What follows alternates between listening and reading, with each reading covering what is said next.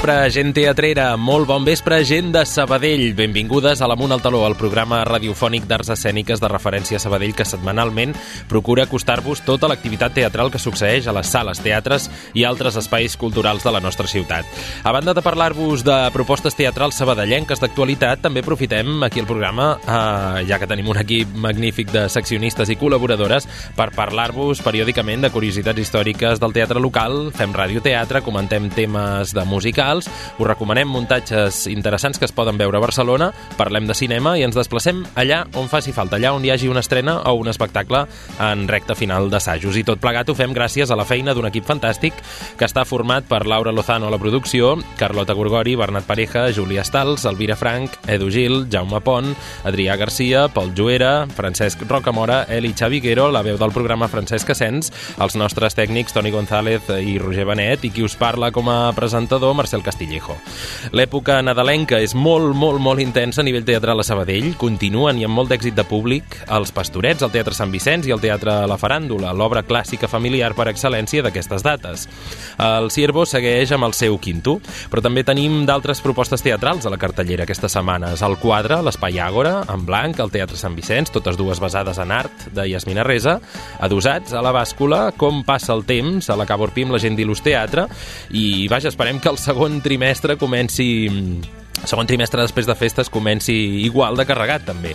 On de ben segur que vindran novetats i de moltíssima qualitat és a Barcelona. Sales petites, grans espectacles. Darrerament hem pogut veure, amb l'Alvira ho hem comentat, uns textos brillants, direccions encertadíssimes, molt originals, interpretacions acurades, excel·lents. Um, ja us dic, amb l'Alvira seguirem parlant de diverses produccions que esperem que siguin igual de bones. I ara arrenquem el programa 232. Som-hi! Amunt al taló. Repassem ràpidament els continguts de l'Amunt al Taló d'avui.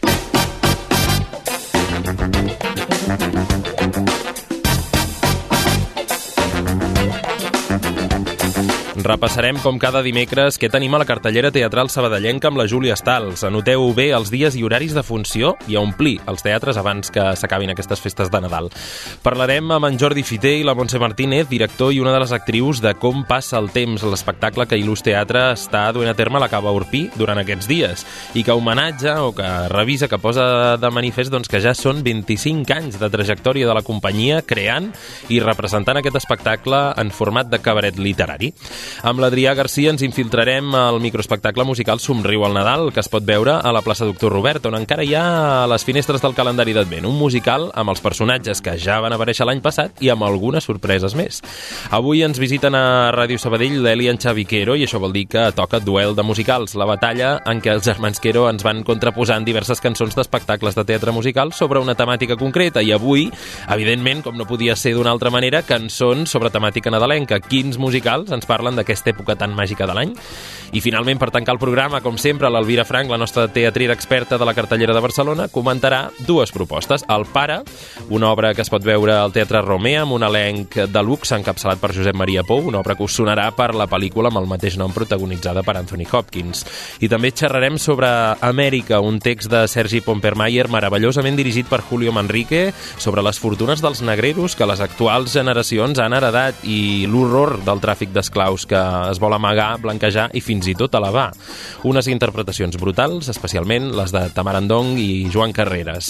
I ara sí, comencem Amunt al taló. Els dimecres al vespre, Amunt al taló. A Ràdio Sabadell. La platea indiscreta. Moment de la platea indiscreta d'obrir agendes i anotar totes aquelles propostes que s'ofereixen a Sabadell. Què podem veure als escenaris locals? Ens ho descobreix la Júlia Stals. Bon vespre, Júlia, com anem? Bon vespre, anem bé, anem una mica Ai. més carregat que la Sí, setmana passada. païnt els canelons, no? I l'escudella encara una mica del, del Nadal. Sí, sí, després de tants dies de festa, tants dinars, ara ja descansem una mica i anant al teatre. Anant al teatre, clar, que, quina millor manera de pair tots aquests àpats familiars, no?, que, que seient als patis de, de butaques dels teatres de Sabadell, clar que sí. Um, què tenim aquesta setmana? Doncs al Teatre Sant Vicenç representaran en blanc aquest divendres a les 10 de la nit i els Pastorets diumenge a dos quarts de sis de la tarda. Primer dia de l'any, comencem amb uns pastorets. Clar, clar que sí, home, tota una tradició, eh, per segons quines famílies que ja tenen marcat aquest dia a l'agenda. Aquests sí que no se n'obliden, pastorets, el dia 1. Què més, què més? Sí, sí, i a la, a la faràndula també interpretaran els pastorets diumenge a les 6 de la tarda. També, si volem començar l'any amb pastorets, en tenim dues oportunitats. Exacte, podem veure els doble, és la sort que tenim a Sabadell, no? A, a dos teatres, al mateix espectacle. Què, què més tenim? A la bàscula figuraran adossats aquest divendres a les 9 de la nit. Sí, el Teatre Nadalat estrena dinars llargs divendres i diumenge a dos quarts de sis de la tarda. I per últim, el Cava Urpí, que tenen en cartell l'espectacle Com passa el temps aquest dijous divendres a les 9 del vespre. Hi ha poques localitats, eh? Les entrades volen, queden aquests dos últims dies. Si encara no us heu decidit, podeu eh, escoltar la secció que tenim a continuació i, i us acabeu de decidir per comprar entrades. Júlia, um, suposo que ens deus haver de revelar quina era l'obra fake que ens vas colar la setmana passada quan fèiem el repàs. La setmana passada dèiem que la companyia Jornades oferia conferències acabades que era ben fake. Ben fake. Mm. Uh, no, sí. no, ara és temps de, escolta'm, de festa, de, des de desconnectar. I sí. avui ens n'has colat una altra de falsa. Ja ho descobrirem sí, quina és. I és facileta, eh? Jo crec. Mm, I tant, i tant. Algun altre recordatori? Sí, com sempre recordem que es pot trobar gran part de l'oferta cultural de la ciutat a l'aplicació Sincronitzat disponible a iOS i Android i a la web de Sabadell Cultura. Exacte, doncs gràcies Júlia. Seguirem la propera setmana repassant la cartellera teatral sabadellenca. Que vagi bé, bona setmana, bones festes. Bona setmana, igualment.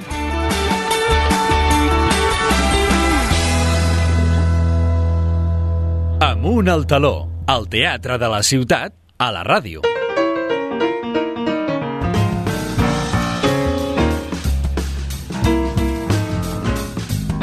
L'entrevista. Quan som en plenes dates nadalenques, a banda de parlar de pastorets, de quinto, d'activitats al carrer en família, també és el moment de parlar d'una proposta teatral molt interessant que des de fa uns anys podem veure a la Cava Urpí i que ja fa atenció 25 anys que funciona, per tant podríem dir que s'ha convertit ja en tota una tradició pels sabadellencs i sabadellenques. Parlem del cabaret literari que la companyia Il·lus Teatre, capitanejada per en Jordi Fiter, representa Nadal rere Nadal per festes. Encara teniu l'oportunitat de veure-la aquesta setmana, els dies 28, 29, 30 de desembre, i esperem que mm, aviam si ho poden repetir o fer alguna sessió més. Es tracta d'un cabaret literari interpretat per figures sabadellenques importants, com l'Òscar Castellví, en Jep Barceló, la Montse Martínez, la Sílvia Ricard, Montse Vidal o en Pep Muñoz. Uh, aquests seran, en aquesta ocasió, les actrius i els actors encarregats de fer-nos arribar una sèrie de textos, d'escenes, de poemes seleccionats també pel director de la proposta, en Jordi Fiter, que ens acompanya avui als estudis de Ràdio Sabadell, juntament amb la Montse Martínez, una de les il·luses en aquesta ocasió, en aquest espectacle tan especial, no? podríem dir. Bon sí. vespre a tots dos, gràcies bon per, per venir. Hola. Jordi, comencem sempre preguntant en aquestes entrevistes, em penso, quan arriba el cabaret literari d'Ilus, com ha estat el procés de selecció d'aquests textos i de cançons. Però, és clar, mm, si celebreu aquests 25 anys no, del tradicional espectacle, potser més aviat el que hi ha hagut és una recuperació sí, no? d'aquests moments a, mítics. No? Aquest any ha sigut així perquè també l'ocasió ho mereixia, diguem, no? Jo sempre he intentat no repetir i, i costa, eh? perquè en 25 anys anar a trobar coses noves cada any per oferir és una feina que, que costa bastant. Clar. I en tot cas hem repetit algunes coses, però en comptades ocasions. Però aquesta vegada hem plantejat el, muntatge al revés. Vam dir, doncs fem-ho fem, ja a partir de material previ, mm. organitzar un guió d'allò, com diuen, els millors momentos, no? Però, mm. bueno, que tampoc... The greatest hits. Sí, exacte, però tampoc és possible perquè n'hi ha tants que també duraria com 4 o 5 hores, eh? Perquè la feina que tens és per anar seleccionant de tot el que hem fet. És que, clar, 25 anys són moltes hores no? només que sigui una hora per any són 25 hores de material que tenim. de material d'espectacle i clar, sí, sí. s'havia de triar però eh, o sigui, enfocat una mica a partir de la reflexió del temps perquè això sí que hi ha un principi que intenta valorar i reflexionar una mica sobre això, sobre el pas del temps, i, i arrenca amb una sèrie de textos i d'escenes que, que havien fet i que fan referència molt exclusivament al pas del temps. Uh mhm. -huh. Però llavors, bueno, es va diversificant i, i surten coses que ja no tenen relació directa amb el tema. Però llavors tornem a tancar l'espectacle amb una, una conclusió final sobre el pas del temps, sobre el passat, el present i el futur, mm. que també és com ho arrodoneix una mica, no? O sigui, que és material reutilitzat, però amb un format que l'espectacle com a tal és nou, perquè no l'havien fet així mai. Uh -huh. marca, marca dels cabarets literaris d'Il·lus Ah, Teatre, exacte. no? Per tant, és un, és un homenatge, en definitiva, Bueno, sí, no sé. a, aquests, a tota aquesta tradició, no? Sí. De... Jo, jo pensava que per alguna gent, de fet això ho diuen ells al començar, en començar sí. ho diuen que per alguna gent eh, no els hi sonarà, perquè, clar, no tothom que vindrà ha vingut durant els 25 anys. Algú potser sí, eh? perquè hi ha gent que és molt, Molt fidel i molt fanàtica. constant, eh? i els crec que els ha vist tots. Sí. I ja ho diuen ells, diu que potser algun d'aquests us sonarà, però potser d'altres us, us seran nous, per tant els descobrireu, encara que sigui material reutilitzat. O sigui que també té aquesta component de, de sorpresa, encara que sigui un, un espectacle recosit. Uh -huh. Aquesta combinació de, de textos de, de diversos gèneres i d'autors i, i autores diferents i també de música, Mm. creus, Jordi, que, que és el punt diferencial d'aquests cabarets literaris? Bueno, jo veig que la gent és el que, sí, és el que valoren molt al sortir de dir aquest viatge que els hi fem fer emocional de, de muntanya russa, perquè estan rient a cor que vols, cos- cor que desitges, i a la següent escena els hi feu una reflexió que els deixa clavats a la cadira i algun mocador ha de sortir. Bueno, doncs aquesta cosa de contrastar-ho, a partir d'aquests formats tan diferents com puguin ser un article d'un diari, un article, ai, una, un fragment d'una novel·la, un poema, evidentment, una cançó. Això dona una sensació com de- d'anar picant, d'anar tastant coses, com si et duressin una capsa de bombons, i tu els vas provant tots i són diferents, i el conjunt, eh, potser no tots t'agradaran de la mateixa manera, però ja es tracta d'això també, no? I, I jo és el que veig que la gent valora més d'aquesta experiència emocional i artística, no? De, artística en el sentit de dir de que hi ha una transcendència que no és simplement entreteniment, que també, però que hi ha una voluntat de, bueno, de, de, de transmetre, si més no, una proposta de que la gent s'ho i reflexioni no? sobre, sobre el que diem allà dalt. Uh -huh. M'ha agradat això, eh, dels bombonets teatrals. Sí, sí, sí, el tas de bombons. anar picant, anar picant. I tant, i tant. Qui s'encarregarà de la part musical en aquest, aquesta... Eh, Mira, aquesta vegada Vegada, tenim la... Últimament ja fa bueno, com 5 o 6 anys que tenim, vam fitxar una cantant que es diu Marina Prades, que, bueno, ara aquest any ha estat a la Marató i de TV3 i es va fent una mica de, de, de lloc, però ja, nosaltres ja sabíem que era, que era molt bona, eh? o sigui que ja l'havíem descobert. I aquest any ve acompanyada d'un pianista que és el Dani Campos, que nosaltres havia fet una, un bolo que vam fer d'un espectacle que no va poder venir el nostre pianista titular, el va suplir. O sigui, ja ens havíem conegut amb aquest noi. I aleshores l'hem fi- fitxat aquest any ja com a, com a fixa. I està ell, que ell toca el teclat, bueno, o sigui, el piano, toca uns teclats, toca unes bases, la Marina, a part de cantar, toca el violí, eh, toca eh, instruments de percussió, vull dir que, bueno, són Per tant, dos... també però hi ha que- varietat en sí, el- en sí, el sí, sentit que musical. fan una mica més ple, saps? Vull dir que, bueno, Molt bé. Montse, com a actriu, suposo que per tu deu resultar un repte, no?, eh, haver de recitar, interpretar textos d'aquests autors de renom, no?, de, eh, però per altra banda deu ser un gust també poder compartir tot això amb rodejada d'un equip com aquest i per aquestes dates, no? Oh, tant, sí, sí, sí, és un, és un plaer. De tota manera, jo amb el Jordi ja havíem ja hi havia treballat perquè precisament eh, quan va néixer l'Ilús jo hi era i vaig és estar... bast- fundadora, ella és fundadora. Soc fundadora de l'Ilús. Il·lustre fundadora. Sí, sí, Il·lustre fundadora. és la Immaculada del primer espectacle Exacte, que vam fer el primer espectacle Immaculada i a partir d'allà va néixer l'Ilús i, i, i durant dos o tres anys, el que passa que clar, amb 25 anys passa de que hi ha anys que sí que pots coincidir, I anys hi ha anys que que, tens no. altres coses i que no i tal. Però és igual, amb tota manera jo, tant com a, a participar-hi, com em passarà aquest any, com a espectadora, a l'espectacle sempre, sempre he pensat que era el que diu ell, un bombonet tal per l'espectador com per nosaltres, eh? perquè jo sí que és veritat que de vegades amb això dels versos li dic ai, és que no estic molt acostumada, a mi em costa més i què tal i què qual, però bueno, el Jordi ho fa molt fàcil i llavors els textos que tria sempre són tan bonics que quan de veritat a mi em costa una mica, però jo quan els vaig entenent vaig pensant, hosti que maco, hosti, quines ganes de dir-ho, no? Et, et crea aquesta sensació de dir, quines ganes de, de, de sortir, explicar i dir aquest text tan bonic, no? I llavors, doncs, bueno, pues, un plaer total poder tornar amb ells aquest any i participar-hi totalment. Uh -huh. Jordi, normalment, ara ho explicaves, eh, que um, procures que hi, ha, que hi hagi aquests moments una mica més distesos, més divertits, també moments més profuns que ens obliguin d'alguna manera a reflexionar com a espectadors, uh, i que hi hagi aquest missatge, no?, al final, global, a darrere de, de la, de, bueno, del conjunt de l'espectacle, no? En aquest cas, mm, per on aniran? Uh, per on anirà la cosa? Clar, com- És un missatge, una reflexió sobre el pas del temps. Aquest seria l'àmbit general, O sobre com però, ho vivim nosaltres, Però no? també parlem del medi ambient, també parlem de, de l'atzar... Sí. sí, perquè al llarg dels anys hi ha hagut anys que hem muntat espectacles monotemàtics, és a dir, hem dedicat l'espectacle a parlar d'un tema i llavors hem fet servir el mateix format, però que tots els textos i cançons anaven sobre aquest tema. Hem parlat de l'atzar, hem parlat de la, De de, l'amor. de, l'amor, de, de, de, de la comunicació, quan vam fer parol, parole a parole, que parlàvem Sí. de si parlant la gent s'entén o no s'entén. Hem parlat de la felicitat, hem parlat de moltes coses, no? Sí. I aquest no hi ha, aquest eh, monotema, però surten una mica tots aquests que et dic, no? I les, mm. eh, les reflexions, sí, són una mica al voltant Que d'això. potser al pas del temps, no, al llarg de la vida, ens anem trobant potser amb tots Sí. aquests temes, no? Seria? Sí, clar, clar. Sí, és veritat, perquè parlem del temps, però del temps en molts sentits.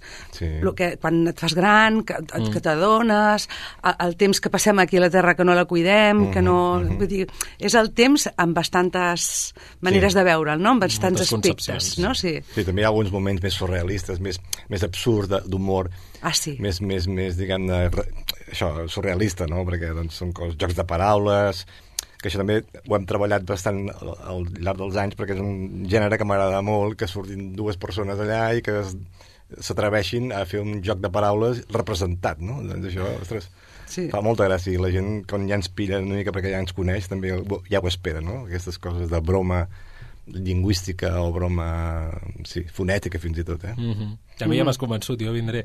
amb, això, amb això ja m'has convençut, que m'agrada molt.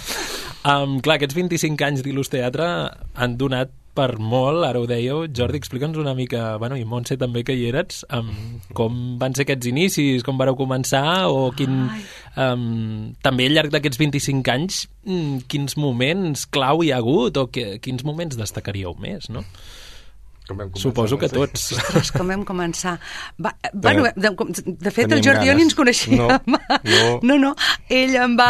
Venir a espiar. Em va venir a espiar un dia, algú li va dir, bueno, per fer aquest paper jo conec una noia que em sembla que... Sí, sí, em va sí. venir a espiar un dia, va pensar que sí, i vam fer, que ens ho vam passar molt, bé, Molt jo bé. tinc molt bon record amb el uh, Tan enganyat Immaculada, Mhm. uns textos de l'Enric Larreula, sí superdivertidíssims, i llavors els fèiem l'Enri- al, El, al- el Josep Seguí, el Seguí, el Mates, Lluís pobret, Mates i el Jep Barceló. el. Barceló i jo, érem tots quatre. Ens va anar molt bé i vam, Sí, sí. Bueno, aquell vam primer guanyar muntatge vam guanyar un premi a, a, a, de la... Ciutat Barcelona, em sembla sí, que va ser Mostra de Teatre Barcelona. Barcelona i tal, sí, sí. I vam fer bastants bolos. I vam fer per- bastants per, bolos. Per comarques, diguem, no? pel Sí. territori que es diu ara. Sí. Manresa, Terrassa, vam estar voltant. Sí. I allò va ser una mica l'inici. El que passa que després la Montse em va parlar d'una amiga seva que tenia un local que s'obria, Sí. que en aquella època era la, la cafeteria Àgora, i que ara és el centre cultural, o, bueno, no sé quin és el nom tècnic, i em va proposar que anés allà un dia a fer bueno, com una proposta i tal, no? i els anar a veure i vam començar el primer any de fer aquest, aquesta cosa de Nadal, perquè els nostres espectacles no eren pensats només pel Nadal, no? Clar. I ho vam provar el primer any, ara ho Sí. comentava, eh, Sí, que ens vam atrevir a fer una funció, perquè és que aquí vindrà a, a sentir poem, poemes. Poemes de Nadal. Vam pensar que era un recital de poemes de Nadal amb cançons, i era això, eh? Vull dir, Ja està. Llegíem i ho fèiem... I ho llegit, tot llegit, tot que ara no fem res llegit. No, no, no. no. Ah, va, sí, llavors Però va anar sí. tan bé que van dir, Sí. ostres, això ha anat molt bé, l'any que ve ho farem dues vegades. Sí. I anàvem passant els anys i anàvem augmentant el número de funcions en funció dels anys que feia. Per exemple, el quart any ja fèiem quatre. Sí. I després ja ens vam disparar i vam fer vuit funcions, deu funcions, i, i sí, sí, cada any vam estar 18 anys a la cafeteria Àgora Sí. Fent això, que també va servir per crear una mica tota aquesta base de gent que ja ho esperaven i això que deies tu de la tradició, que bueno, estem mm. contents amb la proporció, ja sabem que, perquè som il·lusos de veritat, que no podem comparar amb, què sé, amb el quinto o amb els pastorets, però dintre de tot això, per molta gent, Home, home, és tan important eh? com pugui ser el quinto o els pastorets, perquè És que són fixes. ara no? parlàvem i ens preguntaven a- allà fora i jo deia, dic, és que em sembla que s'ha convertit en una tradició perquè, de fet, és un tipus d'espectacle que el Jordi ha anat fent al llarg dels anys i potser sense voler Mm. és com és únic. Vull dir, tu a, par a partir d'aquí, durant tot l'any, podràs veure moltes coses, però una cosa així, no. Saps? Vull dir, l'has arribat a fer amb aquesta originalitat una marca, que sí, molta sí, sí, gent sí. espera perquè diu, ah, doncs bueno, aquest any parlen d'això, d'allò. A més a més, és el que diu ell, pots plorar, pots morir-te de riure perquè hi ha Sí, sí, i moments. Divertits. divertidíssims i crec que això és el que l'ha fet d'alguna manera que sigui com tradicional ja, no?, a, a fer Sí, això a sí. l'il·lus, per, Sí, aquesta, sí, sí. per aquest tipus, per el tipus d'espectacle que ell ha creat i que, i que és diferent. És un altre, és un Són altre càpsules, tipus de... no? Et va portant per un viatge, no?, d'un lloc a un altre. Ara fem, anem a veure obres, anem a veure molts musicals, anem a veure un tipus de teatre, de, no? Sí. I, I que està tot molt bé, i que... però aquest tipus que fa ell, que, Sí, sí, que clar, sí. perquè ell busca la música, busca la cançó, busca el, el, els llibres, els retalls que vol dir, que si ho tradueix, ho posa... Vull dir, aquesta feina, al final, doncs, ha fet la seva... Sí, sí, sí a veure, eh, també és veritat que hem fet altres productes que hem hem donat vida també a altres tipus d'espectacles més, per exemple, hem dedicat 5 anys a fer tot un cicle dedicat als sonets de Shakespeare que els hem anat presentant mm -hmm. uh, i hem fet altres coses uh, clar, de vegades a mi em sortirien les ganes de dir, ostres, m'ag- m'agradaria també fer una obra, eh, com- diguem-ne, més, més, més, més uh, estàndard, no? Amb, Sí, a l'ús, amb dos actes o tres actes, amb sí. Sí. i tal. També, evidentment, fer-me-la a la meva mesura, no? Perquè, però Sí. penso, mm, bueno, potser perquè no he trobat els, els llocs o no, les, no, no he sabut trobar la manera de, de convèncer els que podrien eh, estar interessats en això, doncs, bueno, m'he anat espavilant trobant el meu lloc trobant el meu producte pel que fa a aquesta companyia, evidentment, mm. perquè jo faig altres coses de teatre amb altres projectes i amb mm. altres coses que, que et contracten, no? però vull dir que com a empresa Pròpia. particular, diguem-ne, hem anat definint el caràcter de la companyia amb aquest estil perquè les circumstàncies també ens hi han portat. I ara que ho mirem endarrere, penso, bueno, doncs, bueno, fa goig veure que has creat no? una, una cosa i això només t'ho dona el pas dels anys. amb firma teva, clar, és veritat, Sí, això és teu. exacte, Aquest sí, tipus sí. de d'això és teu, de teatre, clar. I, és un i per espectacle això fa creat. gràcia, no? Sí, sí. I també us volia preguntar, en aquests 25 anys, um, clar, també han canviat molt les coses a la ciutat, no? En el terreny teatral, per exemple, Mm. suposo que com a companyia i l'ús, no? Heu anat veient també aquest pas del sí. temps, no? Ha canviat el públic, l'afluència del públic, els gustos, les tendències a nivell teatral Sí. o, o culturalment parlant, diguéssim. Eh, no sé si estem millor o, pitjor, no?, que fa 25 anys. Bueno, ara, clar, sí, sí, evidentment eh, no pots obviar no, el context en què estàs.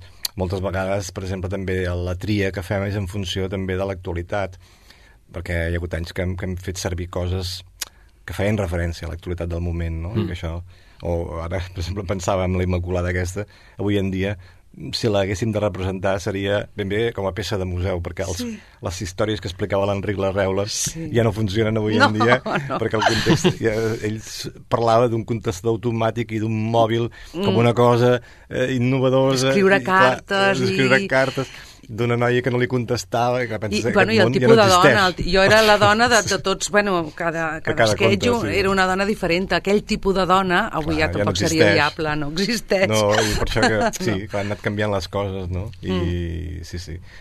I pel que fa a això als continguts, doncs també, perquè aprofitem una mica per això, per, per, tot i que sigui una idea més general, però a vegades hi ha referències directes, no?, a l'actualitat o, o coses que han passat.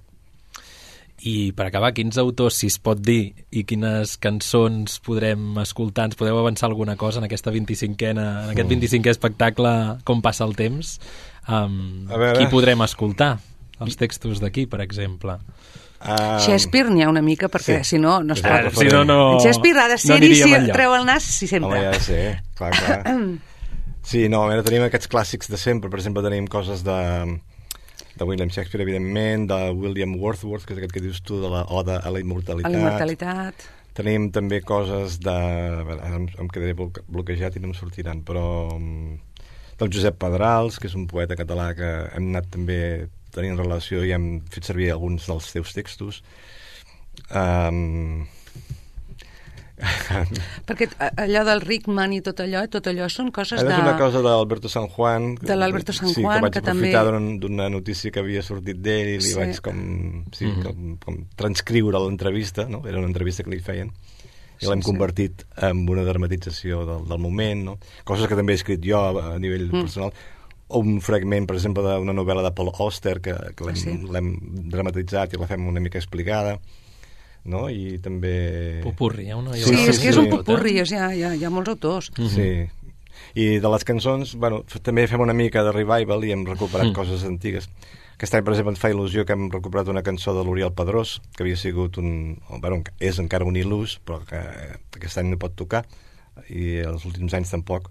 però una cançó seva que l'havíem bé. incorporat, que ja Mm. l'havíem fet amb ell, Uh, bueno, i alguna cançó de cabaret alemany que havíem fet fa molts anys, l'hem recuperat no? i tenim coses d'aquestes sí, I la sí. resta ho deixem a l'aire, en ràdio Sí. oient. Sí. Bueno, ell sap més d'això, perquè encara nosaltres encara no els hem sentit les cançons, encara no les hem... doncs uh, ja ho sabeu, oients, aquesta setmana a les 9 a la Capa Orpí, com passa el temps, el ja tradicional espectacle d'Il·lus Teatre que fa 25 anys, senyal que aquesta proposta nadalenca de la companyia doncs triomfa, no?, cada any, any rere Sí. any, i de ben segur que en vindran molts més, molts més cabarets literaris perquè el públic, ho dèiem, ja els espera. Moltes gràcies per venir, Montse Jordi, Gràcies. que vagi molt Gràcies bé a les funcions que queden. Fins Gràcies. Gràcies. Posa't dia de l'activitat teatral de la nostra ciutat a Ràdio Sabadell.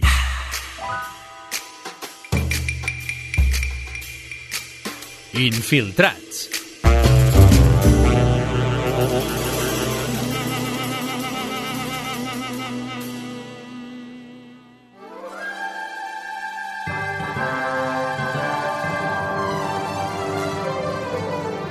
Estic aquí infiltrat als últims assajos de el Somriu al Nadal i estic aquí amb el soldadet de, de plom. Què és per tu participar en aquest acte? Oh, doncs és increïble perquè, clar, jo em passo tot l'any tancat dins el calendari i ara poder sortir doncs és un luxe perquè, clar, conec a nens, a nenes, els meus amics i és fantàstic, la veritat. Ah, perquè és el segon any, no?, que, que hi surts, oi? Sí, sí, sí, sí, i a més ja veiem que molts nens ja venen i ja ens coneixen, eh? És un orgull. Com, com porteu aquesta fama del Nadal? Doncs la portem molt bé. Aviam, el llaminer la porta malament, però els altres la portem genial, la veritat. Vale, però, però explica'm una miqueta, què, què, què fas com a soldadet en el, dintre del calendari d'Advent? Doncs el soldadet és el personatge més vergonyós. Ell està molt enamorat de la ballarina i sempre van junts a tot arreu.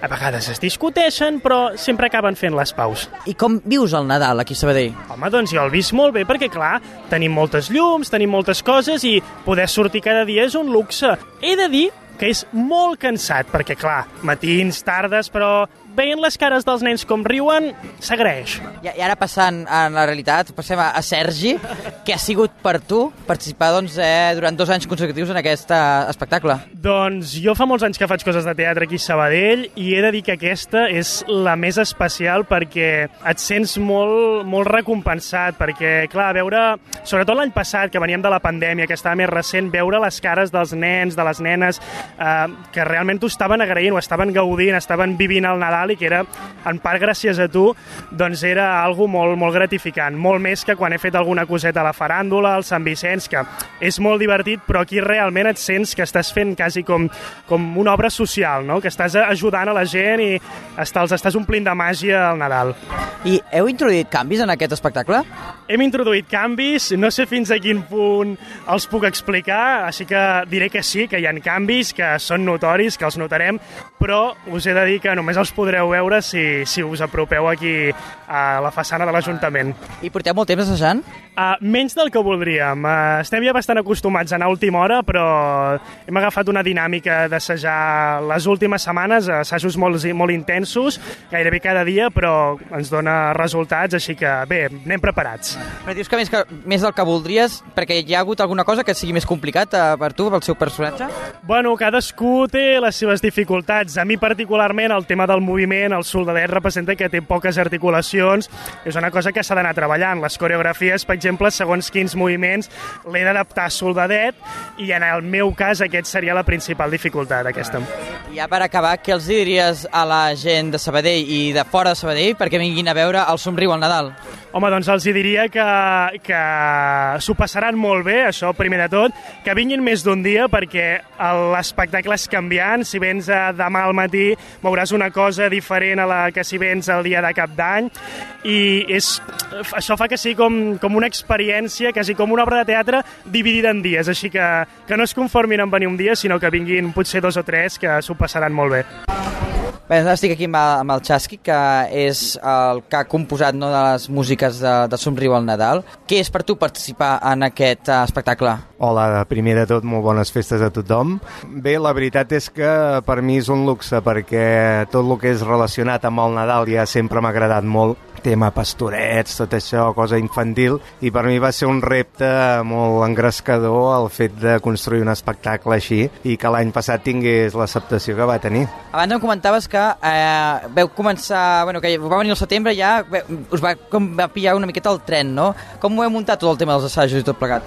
Bé, eh, clar, què passa? Que aquí tots tenim altres feines, aleshores totes aquestes coses eh, les fem a partir de les 7 o les 8 del vespre, que és quan tothom acaba de treballar, i és clar, ha sigut un intensiu bestial, molt, molt enriquidor, però també esgotador. Però avui estem aquí per estrenar ja i amb tot a punt. A més també eh, m'has dit que heu afegit nous personatges i també com hi ha la cançó El Llaminer, no?, d'aquest any, que també s'ha estrenat. Com les heu dissenyat, aquestes cançons? Bé, una mica en funció de cada personatge el caràcter que se li ha volgut donar, no? Per exemple, la cançó del Llaminer sí que ja la vam estrenar perquè ja ha estat fent el calendari i havia de ser una cançó molt infantil, que es pogués aprendre de seguida, o sigui, sense una melodia complicada. La veritat és que jo penso que vam encertar i la dels nous personatges, doncs ja et dic una mica en funció, una que és més infantil i una altra que és com més adulta, que ja ho descobrireu quan arribi el dia en què aquests personatges s'incorporin a,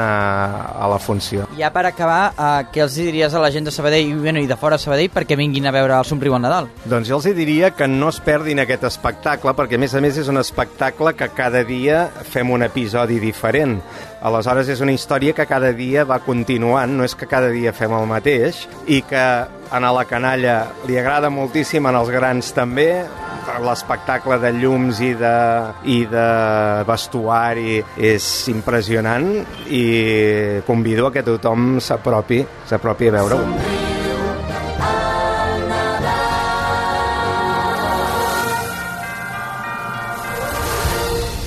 Amunt al taló amb els teatres de l'estar.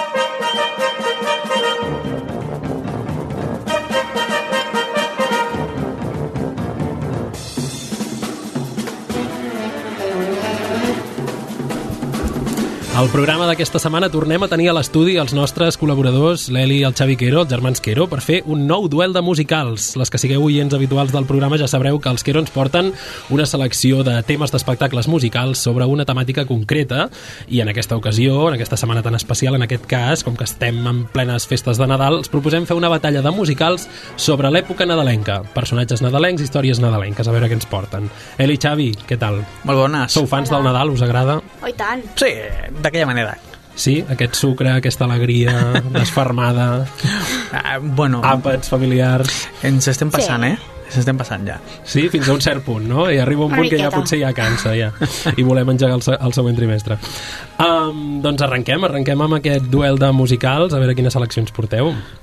Bueno, en aquest cas començo jo amb una de les cançons més icòniques de Nadal, que és White Christmas, del compositor i lletrista Irving Berlin. Aquesta estava inclosa dins de la pel·lícula musical Holiday, Holiday Inn, una cançó plaent sobre aquesta època de l'any, tot i que a tot el voltant pugui ser horrible. Doncs per alguna cosa és Nadal i encara pot succeir la màgia. Què és el que acaba passant?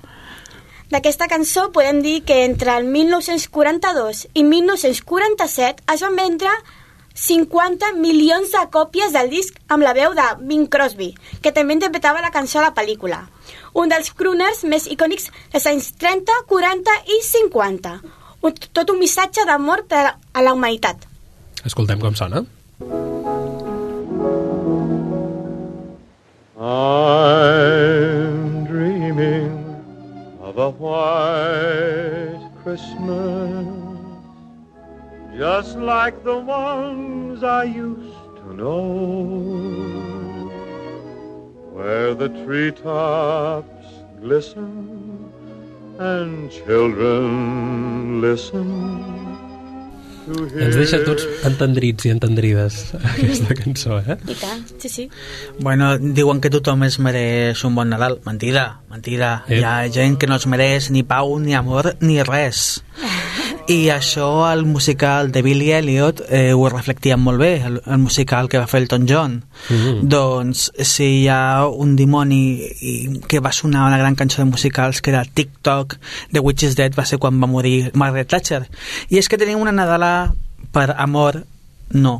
A la Margaret Thatcher del musical Billy Elliot, en el que els fills dels obrers li dediquen una cançó horrible desitjant-li el pitjor a ella, als brokers, als policies i als neonazis del National Front. És a dir, també aquesta, aquest component nadalenc relacionat amb, amb el tema social que hi havia en aquells moments a Anglaterra. Exactament. No?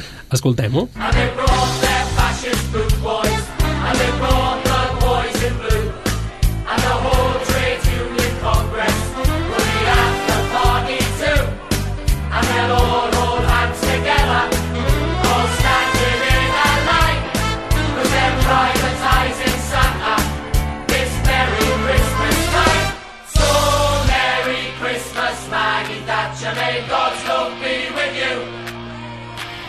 comunitat minera ja n'està farta, eh? No pot més amb la Margaret Thatcher. Encara patint les conseqüències 40 anys després, nosaltres i no els britànics, que també. Mm. No, i és un tema maco que també serveix per destensar, no? En aqu... perquè la història és dura, la història Molt. de Billy Elliot, Mm. el musical. Per tant, ens quedem amb aquest, amb aquest tema. Què més, Eli? Amb què ho contrarrestem, això? Aviam, jo continuo amb una de les pel·lícules nadalenques més famoses dels últims anys, com és Elf. No? Aquesta pel·lícula, protagonitzada per, per en Will Ferrell, és un nen orfe que, desgraciadament o afortunadament, cau dins de la bossa del Pare Noel. Llavors, aquest eh, l'adopta i es cria amb els, elfs del Pare, amb els del Pare Noel fins que és prou gran i decideix tornar al món humà per a trobar la seva ve- veritable família. No, evi- evidentment, aquest nen, en Woody, li agrada el Nadal i li encanta i és la seva passió. Uh -huh. Pel·lícula de sofà i manteta, eh? Sí. De, de, de, de mirar per Nadal. Um, I també hi ha, efectivament, la, la versió musical. Escoltem Mhm. com sona. A dad who's a million miles away. When he meets me, who knows what he'll see? But deep down, I know I shouldn't be afraid. Cause he's bound to be a lot like me. And we'll make angels in the snow till the snow begins to blow. Then we'll run inside and start a tickle fight. And if it's too cold to sled, we'll eat gingerbread instead. Per tant, és una persona adulta normal que acabarà donant-se que no és un elf, no? que no és fill Clar. de Pare Noel i anirà a cercar, a, de, a descobrir qui és, vaja. Sí. Molt bé, um, què, què me'n dius, Xavi? Bueno, aquesta persona malgrat tot estima molt el Nadal. La persona que presentem a continuació, no. Mhm. Eh, El Grinch, el Grinch. Eh, Exactament, ens Sí? anem al doctor Seuss, uh, a Theodore Seuss Geisel, més conegut com Dr. Seuss, Dr. Dr. Seuss, que és un dels autors més prolífics dels anys 50-60 de la literatura nord-americana i que l'any 57 eh, va escriure eh, How the Grinch Stole Christmas i que l'any 66 es va fer una pel·lícula, una pel·lícula d'animació Mhm. que estava narrada per el gran Boris Karloff, una icona del cinema del terror clàssic, i podem escoltar una cançó que defineix prou bé el Grinch. Aquesta lletra apareix del mateix Dr. Seuss, l'autor del conte. A veure com fa. You're a mean one, Mr. Grinch. You really are a heel. You're as cuddly as a cactus, you're as charming as an eel, Mr. Grinch. You're a bad banana with a greasy black peel.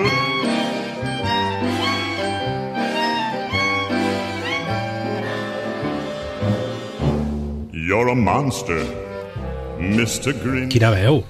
Quins greus, eh? Déu Sí. com, hi, com hi farem front eh, en aquesta veu, Eli? Uf, bueno, jo parlo de que al Nadal, no?, eh, succeeixen tota classe, tota mena de miracles, no? I tot allò que és eh, impossible esdevé possible. I una cançó que reflexa molt bé aquest miracle de Nadal és The Shmuel Song, de la, una cançó del musical The Last Five Years, un conte que s'inventa el Jamie i que li explica a la, a la Katie d'un sa- d'un sabater a la que la sort sembla somriure'l. En aquest musical, ella, la Katie, comença a explicar-nos el final de la seva relació amb en Jamie. I ell, en Jamie, el començament de la seva relació amb, en, amb, amb la Kathy, trobant-se únicament en el moment que es casen. Molt bé, descobrim com sona aquest tema d'aquest musical romàntic. have no more hours left to sow. Then the clock upon the wall began to glow. And the clock said, na na na na na na na, oh Shmuel, you'll get to be happy. Na na na na na na na, I give you unlimited time. Na na na na na na na, so Shmuel go so and be happy. En tota història, no?, que explica un període de temps, un, uh, una etapa de- de- d'una vida, sempre acaba apareixent l'època nadalenca. Ara estic recordant Rent, per exemple, que també... Sí. No sé si us estic fent spoiler d'alguna cosa. Potser, potser. Però, um, no?, que eh, s'està explicant doncs, un període de temps i sempre hi ha un moment que arriben les festes. Mhm. um, què més tenim, Xavi? Doncs mira, eh, de vegades els miracles passen, però de vegades els miracles també passen i no per bé. Ara me'n vaig a musical de l'any 65, eh, Els paraules de Cherbourg, que de fet al final... Ostres, estem tirant enrere aquí, Sí, eh? sí, bueno, jo, aquí el gusto viejuno, sempre. que al final d'aquesta història d'amor entre, la, entre, els entre els actors i els personatges que interpreten Catherine Neff i Nino Castelnuovo és una parella que s'enamora, ella acaba tenint un fill, però ell ha de marxar a la guerra d'Algèria, que acaba l'any 64, és a dir, la pel·lícula és del 65, és a dir, era gairebé un tema d'actualitat. Doncs, anys després es troben, es troben una benzinera, una nit de Nadal, i tot és tan trist, tot és tan... Ja han refet les seves vides que és que només li pots dir com et va. Així que és normal que acabi donant el Nadal a aquesta gent, perquè no hi ha miracles. Simplement la vida, que és com és. C'est comme vous voudrez, super. Oui.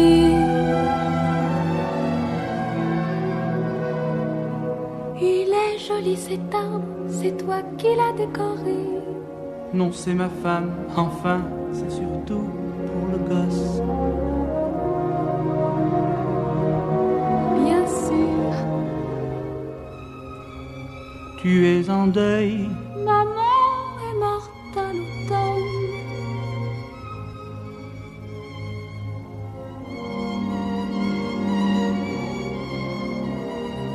comment l'as-tu appelé Ai, ens hem posat sentimentals ara.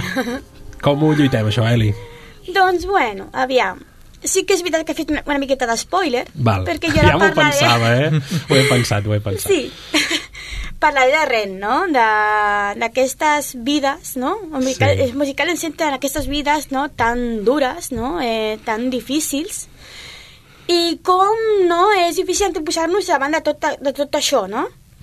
Els personatges de, de Ren no tenen gens fàcil, qui no és indigent eh, és drogadicte i qui no sap que es morirà d'aquí res, no? Llavors, eh, no, al vespre de Nadal a Ren passen moltes coses. Apallisen a uns, a uns, uns antidisturbis es preparen per entrar a un solar no, per desallotjar-lo, i un drogadicte cerca quelcom que la faci oblidar, no? És aquest el Christmas Bells de Ren, però que no s'enganyi la música festiva, perquè és tot el contrari. Sí, sí, eh, el mateix que dèiem amb Billy Elliot, no? que també serveix una mica per, Exacte. per descansar i oblidar. She said, Would you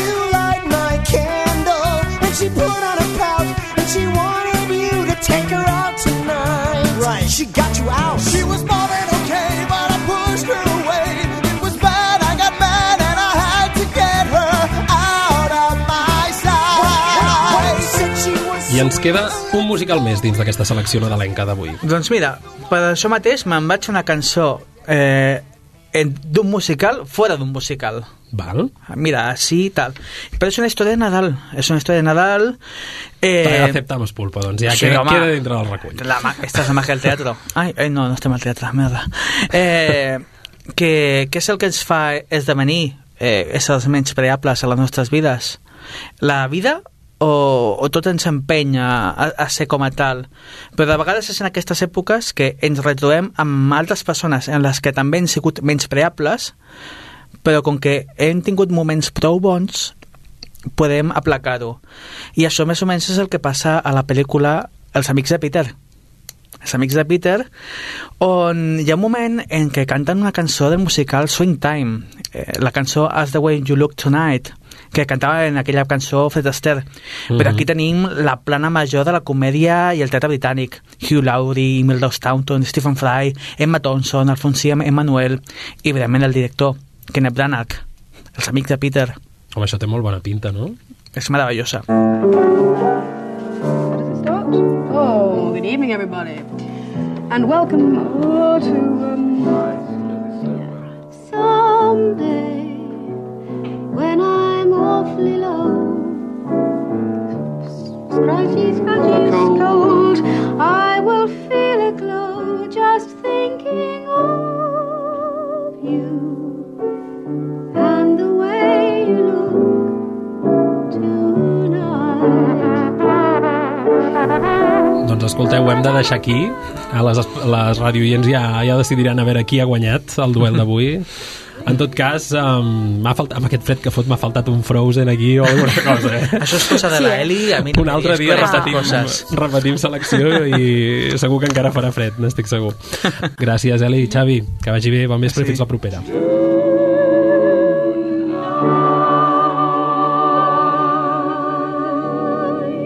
Amunt al taló. Teatre de Franc. Doncs ja som a la recta final del programa i és el moment de Teatre de Franc, dels comentaris de, de l'espectadora experta de la cartellera barcelonina, l'Elvira Franc. Avui parlem de dues propostes que crec que li han agradat força. El pare, una obra que es pot veure al Teatre Romea amb el gran Josep Maria Pou i uns grans també intèrprets secundaris. I Amèrica, l'aposta de la Villarroel amb text de Sergi Popper-Bayer i direcció de Julio Manrique, un espectacle que veureu que parla sobre el racisme pervers encara imperant a la nostra societat sobre les fortunes que les grans famílies del nostre país van fer gràcies a una qüestió com tan, tan greu com era l'esclavisme, no? gràcies a l'esclavatge de persones negres. Una obra molt impactant. Elvira, bon vespre. Hola, bon tal? vespre, sí, una obra molt impactant. Totes dues, eh? Mhm. El pare també té un argument força dur i força actual. Comencem a parlar del pare? Sí, sí, sí. Endavant. Doncs el pare de Freudan Seller, al Teatre Romea, eh, una obra de l'autor francès que va ser portada al cinema interpretada en el seu paper principal per Anthony Hopkins. Un, gran, un gran actor. Un gran actor. I aquí Ja tenim a Josep Maria Pou, el nostre També. Anthony Hopkins El català. català. Però també, el 2016, i en el mateix Teatre Romea, es va presentar aquesta versió en castellà, on el protagonista era l'actor Héctor Alterio, un altre bon actor, eh? i dirigida per José Carlos Plaza. En aquesta nova proposta en català, el director Josep Maria Mestres ha triat, com deies, com a protagonista el Josep Maria Pou, que representa un home d'edat avançada que va perdent la memòria i va avançant en la demència. La seva filla intenta contractar a diverses cuidadores que ell va rebutjant sistemàticament. Les escenes i diàlegs estan presentades des del punt de vista del vell, en principi costa de lligar els personatges, desorienta una mica, però més tard ja es va veient els pensaments i les situacions pensades o imaginades del protagonista i descobrint la humanitat i la tendresa que respira el text. Tendresa i tristesa, eh, també, mm. perquè retrata una situació que, per desgràcia, passa a moltes fa famílies que pateixen tenir un avi no?, amb aquestes circumstàncies. El pare, que va minvant les seves facultats mentals, i la filla, que se sent responsable per cuidar el seu pare, que li busca, com he dit, persones que el cuidin i ell no les vol. Mhm. Arriba un moment que el pare arriba a odiar-li tot a la filla. Eh? Va perdent. Els personatges estan caricatura- caricaturats de la manera com els veu o els imagina aquest pare. Així doncs, per exemple, el gendre està representant com un home que està més pendent de llegir el diari i del que, més que del que realment passa, i sempre va amb la copa de vi a la mà. Fins i tot, quan el patriarca canvia d'opinió envers la filla, com he dit, que ja la- l'arriba a rebutjar, també la veu amb ella bevent una glopada de vi de la copa del seu marit. Els altres personatges també els intueix agressius i contra ell. Un repartiment ple de ballassans. Eh? Molt ballassat tot el repartiment, eh? El traductor, Joan Sallent, de Castellà del Vallès, sempre amb la seva honradesa, precisió i gran qualitat lingüística. Josep Maria Pou, el gran, gran de cos i ànima, eh? de Mollet del Vallès, tal com he dit, que fa el, el, el personatge protagonista de la funció. Tres persones de Sabadell.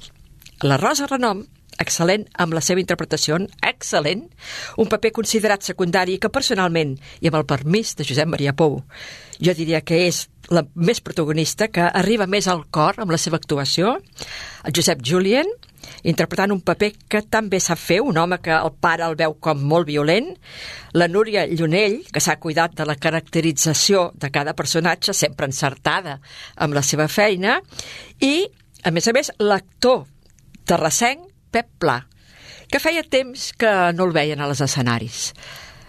Completen el repartiment la Victòria Pagès, interpretant un curt paper, però força rellevant, i la Mireia Illamola, una jove actriu que hem vist en altres ocasions i que sempre està encertada en les seves interpretacions.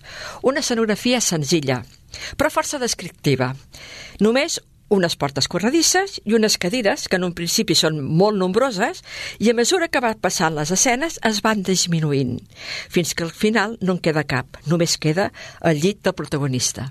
Una manera molt gràfica Mhm. de com el cervell del pare també va perdent, va perdent la memòria i no és conscient de la situació real que es troba. Per tant, un espectacle també molt simbòlic, no? Molt A- simbòlic. A nivell visual, suposo, i com comentaves abans, també amb aquests personatges desdibuixats, no? O Sí. Retratats d'aquesta manera, doncs, diguem que no, re, no realista. De o... sí, que, tal com els veu Mhm. ell, eh? Jo diria que l'escenografia és bastant marcada per l'autor, perquè quan la van fer el, el 2016 era pràcticament igual, eh, l'escenografia.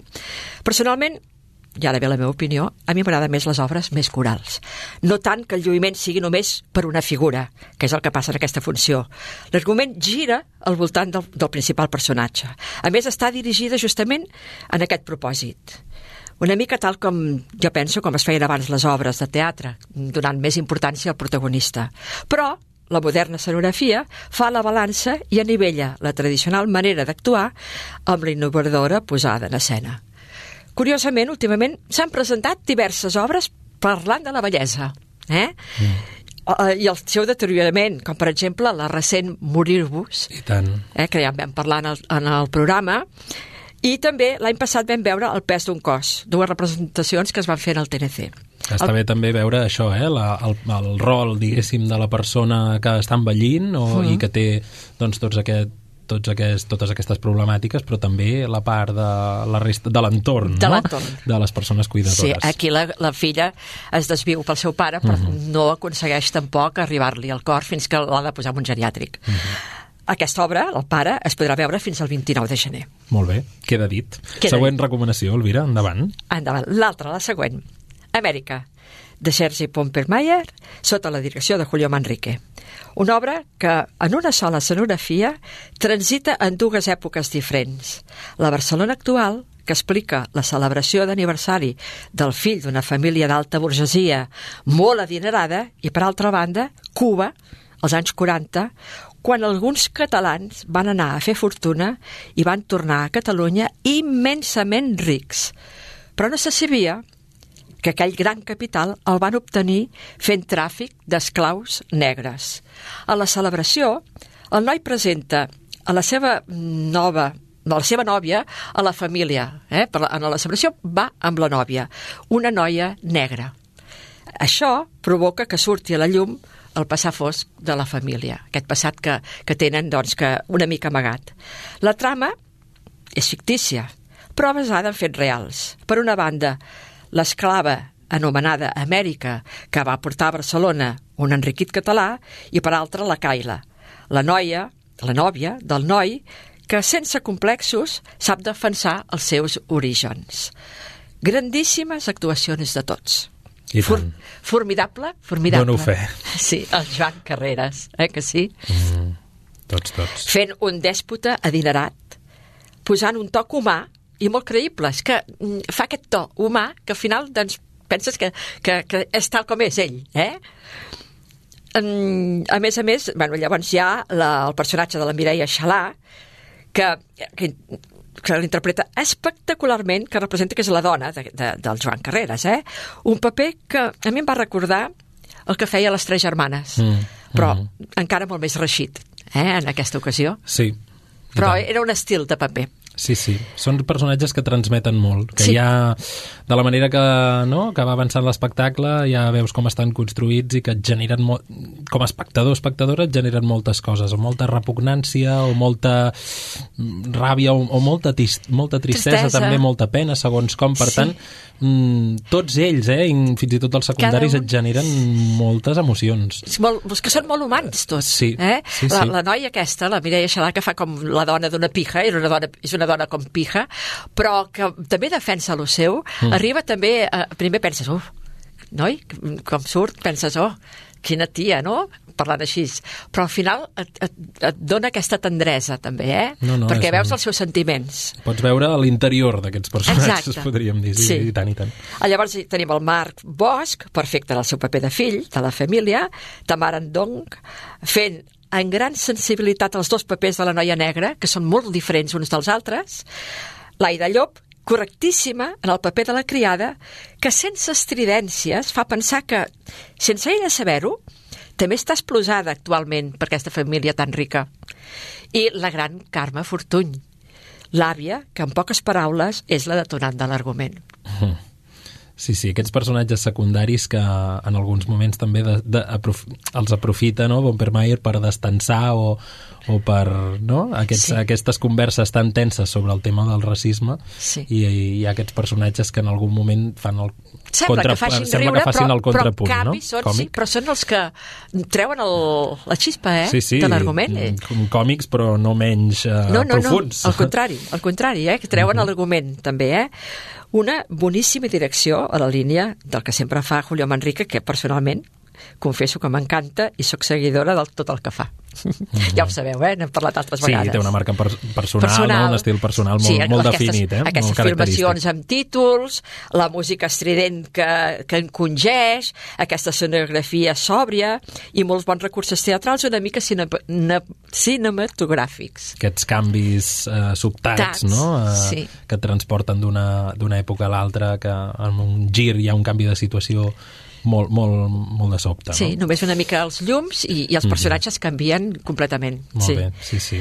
Una proposta dura, molt dura, amb un toc d'humor, plena de càrrega emocional que commou i que desperta l'interès de saber què ha passat a casa nostra, que fins ara aquests temes s'hi ha passat de puntetes. Sí, hi ha una tensió en escena i, a- i, a, i al pati I de pa- sí, butaques, al eh? butaques. també um, es pot tallar amb un ganivet, eh? Sí. La, mm, depèn del És que et vas moment. encongint, perquè penses, això, això fa dues generacions que passava, Mm. eh? que, que es van Sí, sí. fer rics amb, amb el tràfic d'esclaus, és molt fort. Emoció, com dius, a flor de pell, que perdurarà en el record i amb ganes d'investigar i saber la nostra història. Una funció que jo considero imprescindible, que segurament serà mereixedora de grans prèmits i he dit de dir que de les millors que he vist últimament, El rànquing directe. ja diria que sí. que tant, és que tant per la posada en escena, per les interpretacions i pel text, tot, tot S'han alineat 10. els astres, és el comentari que li vaig fer jo a l'Alvira Claro, sí, quan la quan vam la vas veure. veure, eh? molt bé. Uh, està tot, tot, tot el lloc on ha d'estar, Sí, tot, tot molt bé, tot excel·lent. tot. Per tant, Exacte. s'ha d'anar a veure. d'anar Si podeu, doncs està fins al 29 de gener també, si podeu aneu-hi. Mm -hmm. Cal dir que amb l'Alvira compartim aquesta afició d'anar a les platees Sí, de la capital eh, a veure espectacles i és al·lucinant la qualitat de les propostes que tenim actualment en cartellera. Eh? sí, Um, molt, molt. Tant companyies que venen de fora i venen a alguna sala de- d'aquí, com companyies i artistes joves que estan en residència, com Sí. també companyies i, i, i artistes que, que tenim aquí de gran renom que també fan espectacles. Eh? Hi ha, Aquest hi ha hagut any, una coincidència durant aquestes setmanes que tots els productes són boníssims. I jo penso que seguirà, perquè de cara al gener també bueno, s'intueix unes bones propostes. S'intueixen molt bones propostes. Sí. Est Que estan fent visca- una gran visca feina. el teatre visca el català. teatre, totalment, totalment. I ara, bueno, es pot comprovar amb aquests darrers programes, no? I amb aquestes tant. darreres seccions que hem fet amb tu, que no sé com ho són, farem amb el, amb, el són top, amb el top recomanacions. 10, eh? No sé com No ho ho sé. farem, perquè n'hi haurà més de 10, eh? Segur que sí, segur que sí. doncs gràcies, Elvira, per, per aquests comentaris d'avui. Dimecres vinent seguirem parlant de les boníssimes propostes que Exacte. tenim programades als teatres de la capital. Exactament. Que Vinga, adéu-siau. Adéu. Amunt al taló, al teatre de la ciutat, a la ràdio.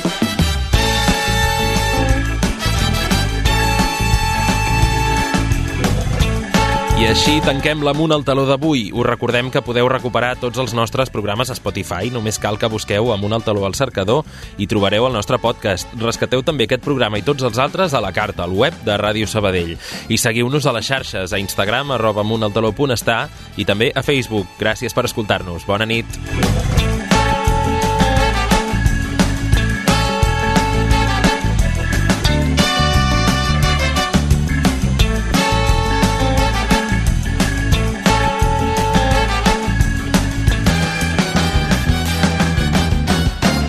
Amunt al taló.